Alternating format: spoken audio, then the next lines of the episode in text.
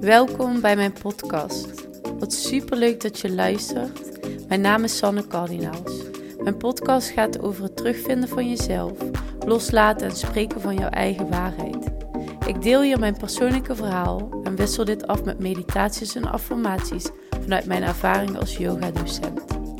En als ik ook maar één iemand kan helpen of inspireren met deze podcast, is mijn missie al geslaagd. Dankbaar voor het feit dat je hiernaar luistert en ik wens je veel luisterplezier.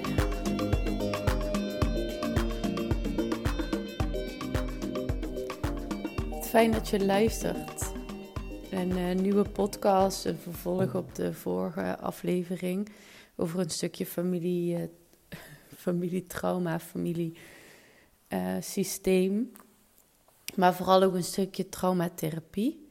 En vandaag wil ik je meenemen in uh, wat dat voor mij uh, heeft gedaan en waar ik uitkwam. Mm. Hanna, een vriendin van mij, heeft ook een yogastudio in uh, Roermond, Yoga. En zij werkt ook als healer. Mm, veel verschillende healing sessies doet ze in groepen, maar ook één op één. En ik had bij haar een, een traumatherapie geboekt. In eerste instantie hebben we een stukje familiekamer opgeruimd, uh, twee keer. En uh, de derde keer uh, stuurde ze me een berichtje. En zoals ik geloof dat toeval niet bestaat, was het ook precies raak. Stuurde me een berichtje en ze zei, ik denk dat je niet veel gaat hebben aan nog meer opruimen van familiekamer. Maar juist een stukje traumatherapie. En daar schoot wel een stukje angst bij mij erin, want ik had het wel vaker gezien. Hè, activeer je psoasspieren. En als je dan uh, ja, je voeten aan de mat plaatst, dan trillen je benen. En uh, een stukje activeren van het vluchten en vechten systeem in je lichaam, het oerbrein. En dat was voor mij best wel een ding, omdat ik uh, tijdens mijn paniekaanvallen daar juist het meeste last van had.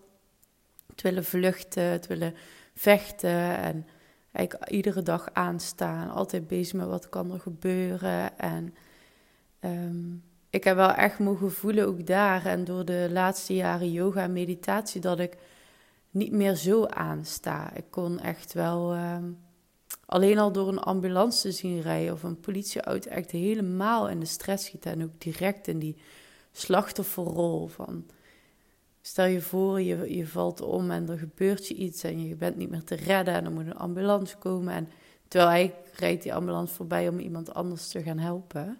Maar heel extreem, echt, dat ging bij mij wel heel erg ver. Tot sommige geluiden niet kunnen vertragen, tot mezelf ook echt, ja, mijn lichaam niet meer voelen en mezelf echt gewoon helemaal niet meer herkennen. Als ik mezelf ergens zag in de raam of uh, als ik in de trein zat, dan voel ik gewoon niet niet, dat ik niet meer in mijn lichaam zat. Zo uh, ver ging dat. En um, die had ik wel al veel stukken voor mezelf opgeruimd. Maar dit was dan wel een stuk waarvan ik echt wilde gaan voelen. Wat is eigenlijk niet van mij en wat mag ik daar gaan loslaten? En uh, nou, Hanna had me in de houding gelegd. En ja, ik dacht, ik laat het over me heen komen. Zoals ik eigenlijk met alles in mijn leven doe. Ik bevraag me veel. Maar ik wil ook alles gewoon kunnen ervaren zonder er een oordeel over te hebben. Dat heb ik vooral. Ik bevraag me veel, ik wil veel weten over dingen, maar vooral ook om te voelen, hm, heeft dit niet misschien meerdere kanten of meerdere waarheden? Of uh, hoe kijk jij daarna? En misschien kijk ik er daarna dan ook anders naar. En ik vind dat wel heel fijn. Ik, ik hou wel van die kijk op de wereld, omdat ik niet geloof dat er maar één waarheid is. En dat je het allemaal vanuit je eigen, eigen perspectief bekijkt. En hoe je bent opgegroeid en de mensen om je heen en wat je hebt meegemaakt. En hoe je in het leven staat. kijk je vanuit angst of vanuit liefde. En daarin ben ik mogen gaan verzachten. Ik heb wel heel sterk mijn eigen mening en mijn eigen gevoel. Maar ik geef altijd ruimte voor ja, wat anderen vinden. En dat mag er ook allemaal zijn. En het moment dat ik daar ging liggen, ik sloot mijn ogen en ik was direct uh, in het huis waar we woonden toen ik twee was. En ik moet zeggen dat ik daar echt uh, even mocht ervaren, wat ik heel lang niet heb ervaren, dat ik. Dus dan zou je zeggen, trauma is per definitie iets negatiefs. Maar ik denk de omgeving heeft wel veel voor me betekend en veel in mijn leven bepaald, omdat ik daar als eerste uitkwam. En ook wel vertelde Hanne mij van tevoren, je begint eigenlijk als, je moet het zien als een ballenbakje. Je bent gevuld met allemaal ballen en die ballen die zijn allemaal stukjes trauma's. En je gaat één voor één die ballen eruit halen.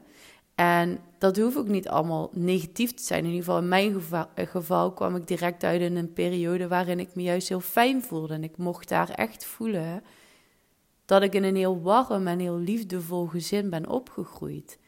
En ik weet dat mijn moeder er heel lang over heeft gedaan om mij en mijn zusje te krijgen. Ze heeft veel hormonen toegediend gekregen. Dus we waren ook eigenlijk zo welkom en zo geliefd. En ik weet ook in alles wat ik mag ontdekken dat dat ook echt de basis is. En die basis wil ik onze kindjes ook meegeven. Nu wil dat niet zeggen dat ik ze altijd alles kan geven wat ze nodig hebben. Waardoor ik er wel voor open wil staan dat ze altijd mogen zeggen dat, dat ze iets niet fijn vonden in hun jeugd. Of dat iets ze juist ervoor heeft gezorgd dat ze onzeker zijn of iets. En daar mocht ik heel even voelen dat het een heel fijn huis was, waar we een fijne buurt. En nou dan, dan adem je er doorheen en ehm, ja, het gevoel, ik, was eigenlijk veel rustiger dan ik dacht. En het gevoel van uh, spanning op je benen en juist van die spanning uh, de rust vinden, vond ik echt uh, super bevrijdend. Dat bij een paniekaanvallen de angst ook dat je er niet uitkomt. Of je wil eigenlijk echt vluchten, vluchten, vluchten. En ik wil er niet naar kijken en ik wil het niet doorvoelen. En ik wil niet weten waarom dit gebeurt. Ik wil hier weg. Um, en dat, dat, daar kon ik dus meer in gaan landen. Net als bij het ademwerkstukje dat ik altijd, of altijd dat ik tot nu toe de keren dat ik het heb gedaan, heel snel verkramp en het gevoel heb dat ik vast zit in mijn lichaam werkt eigenlijk heel bevrijdend uh, om dat aan te mogen gaan. En het, um, we hebben het uh, in die sessie dus drie keer, drie stukken aangeraakt. En het tweede stuk um, kwam ik eigenlijk heel erg uit bij uh, mijn, de geboorte van mijn zusje. Maar ook vooral mijn, mijn jeugd. Dus hoe was ik als kind en, um, en wat heb ik daar mogen doorvoelen? Buiten wat, uh, hoe ik ben opgevoed of de mensen om ons heen. Hoe heb ik die tijd ervaren en wat heeft mij wel geholpen en niet geholpen? En daar voelde ik heel sterk, ik werd, daar ook heel emotioneel, dat ik uh, me niet gehoord voelde. Ik heel erg het gevoel had dat ik, uh, dat ik niet, um, niet gehoord of gezien werd. En dat was ook heel, eigenlijk achteraf is het heel logisch, want ik werd stiller toen mijn zusje kwam, wat vaak ook wel te zien is, omdat ik zie het bij Roos natuurlijk ook sinds duurder is, maakt Roos ruimte. Dus ze heeft ook meer momentjes voor zichzelf en ze voelt ook dat ze ruimte moet maken, omdat hij erbij komt en hij heeft ook zijn dingen nodig. Um, mijn zusje was, ja, noem het een huilbaby, een kindje wat uh, heel kwetsbaar was aan het begin. Ze heeft uh, na een week weer terug naar het ziekenhuis. Ze gaf veel melk terug, heel gevoelig. En ook altijd, mijn hele leven kan me niet anders herinneren dan dat ze ook heel uh, verdrietig werd als ze dacht aan dat de wereld verging. Of, dus echt heel gevoelig. En uh, ik uh, heb het gevoel dat ik in die tijd juist daardoor heel veel stiller ben geworden. En als je vraagt hoe ik was als ik klein was of als kind, was ik ook degene die, je hoorde mij nooit. En ik was altijd uh, rustig en ja, ik, ik was degene die heel extrovert was. Ik extravert, ik, ik gaf iedereen een hand en iedereen een knuffel. En achteraf gezien ook wel weer een stukje weggeven van mezelf. Ik kende dus ook bijna geen grenzen. Ik knuffelde iedereen, of dat nou een man of een vrouw was. En het was ook aan het einde van de verjaardag, kreeg iedereen van mij een kus en een knuffel. En nu denk ik dan, oh, ik ben zo gevoelig. En als ik in een ruimte zit met heel veel mensen, heel snel overprikkel. Dus eigenlijk was dat voor mij als kind helemaal niet goed. Maar ja, mm, je gaat daar dan toch in mee en helemaal niet boos of iets achteraf. Maar iets waarin ik mezelf dus al wegstopte. Ik cijferde mezelf daar al weg, omdat ik het heel belangrijk vond wat andere mensen van me vonden. En heel prestatiegericht me heel mijn leven geweest. En ik denk sinds een jaar of uh, zes, zeven ja, begint dat heel erg af te nemen. Dat ik denk, ja, Weet je, het is heel leuk wat anderen van je vinden, maar het maakt niet uit wat je doet. Want aan het einde van de dag zie je ze een keer, vragen ze wat je doet. En de rest van de 24-7 zul je zelf gelukkig moeten zijn met het leven dat je leeft, wat je dan ook doet. En heb ik ook heel veel bewondering voor mensen die heel dedicated iets doen. Topsporters, mensen die zich echt focussen op één ding in hun leven en daar volledig voor gaan en met passie. En bij het zeggen dat er zijn meerdere waarheden, geloof ik ook dat aan elk leven dat je leidt weer andere kanten zitten. Als je topsporter bent, heb je misschien veel minder tijd voor een sociaal leven. Dus heb je dat gemist achteraf. Waarbij als je een heel rijk sociaal leven hebt, je misschien weer heel andere dingen mist in je leven. Dus wat is dan ook de definitie van een mooi leven? Ik denk het doorleven en de kans die we krijgen om het te leven en alles te mogen ervaren. En om fouten te maken, om te vallen en weer op te staan. Maar vooral ook om van alles te leren en nog een keer te vallen en dan nog een keer op te staan. Nu heb ik een tijd dat ik vaak wat harder en wat vaker val dan dat ik opsta en soms even niet wil opstaan en denk, ja, vandaag gaan we lekker slapen en dan niks meer doen. Ehm, dus dat en toen het derde stuk merkte ik dat ik weer een stukje dieper mocht zakken en dieper op een stuk wat mij heel erg geraakt heeft en gevormd heeft tot wie ik echt ben. En dat is wel mijn basisschooltijd. Um, ik kan me eigenlijk tot groep 4 niet zo heel veel herinneren. Groep 3, mm, het enige het verschil, of het is van vertellen, maar daar zaten we nog in een ander gebouw. En toen ik naar groep 4 ging, toen zaten we dichter bij ons nieuwe huis. Dus we zijn in die tijd ook best veel veranderingen geweest. We zijn verhuisd. Um, en mijn basisschooltijd vanaf groep 4 tot 8 waren eigenlijk uh, hele zwa een hele zware tijd.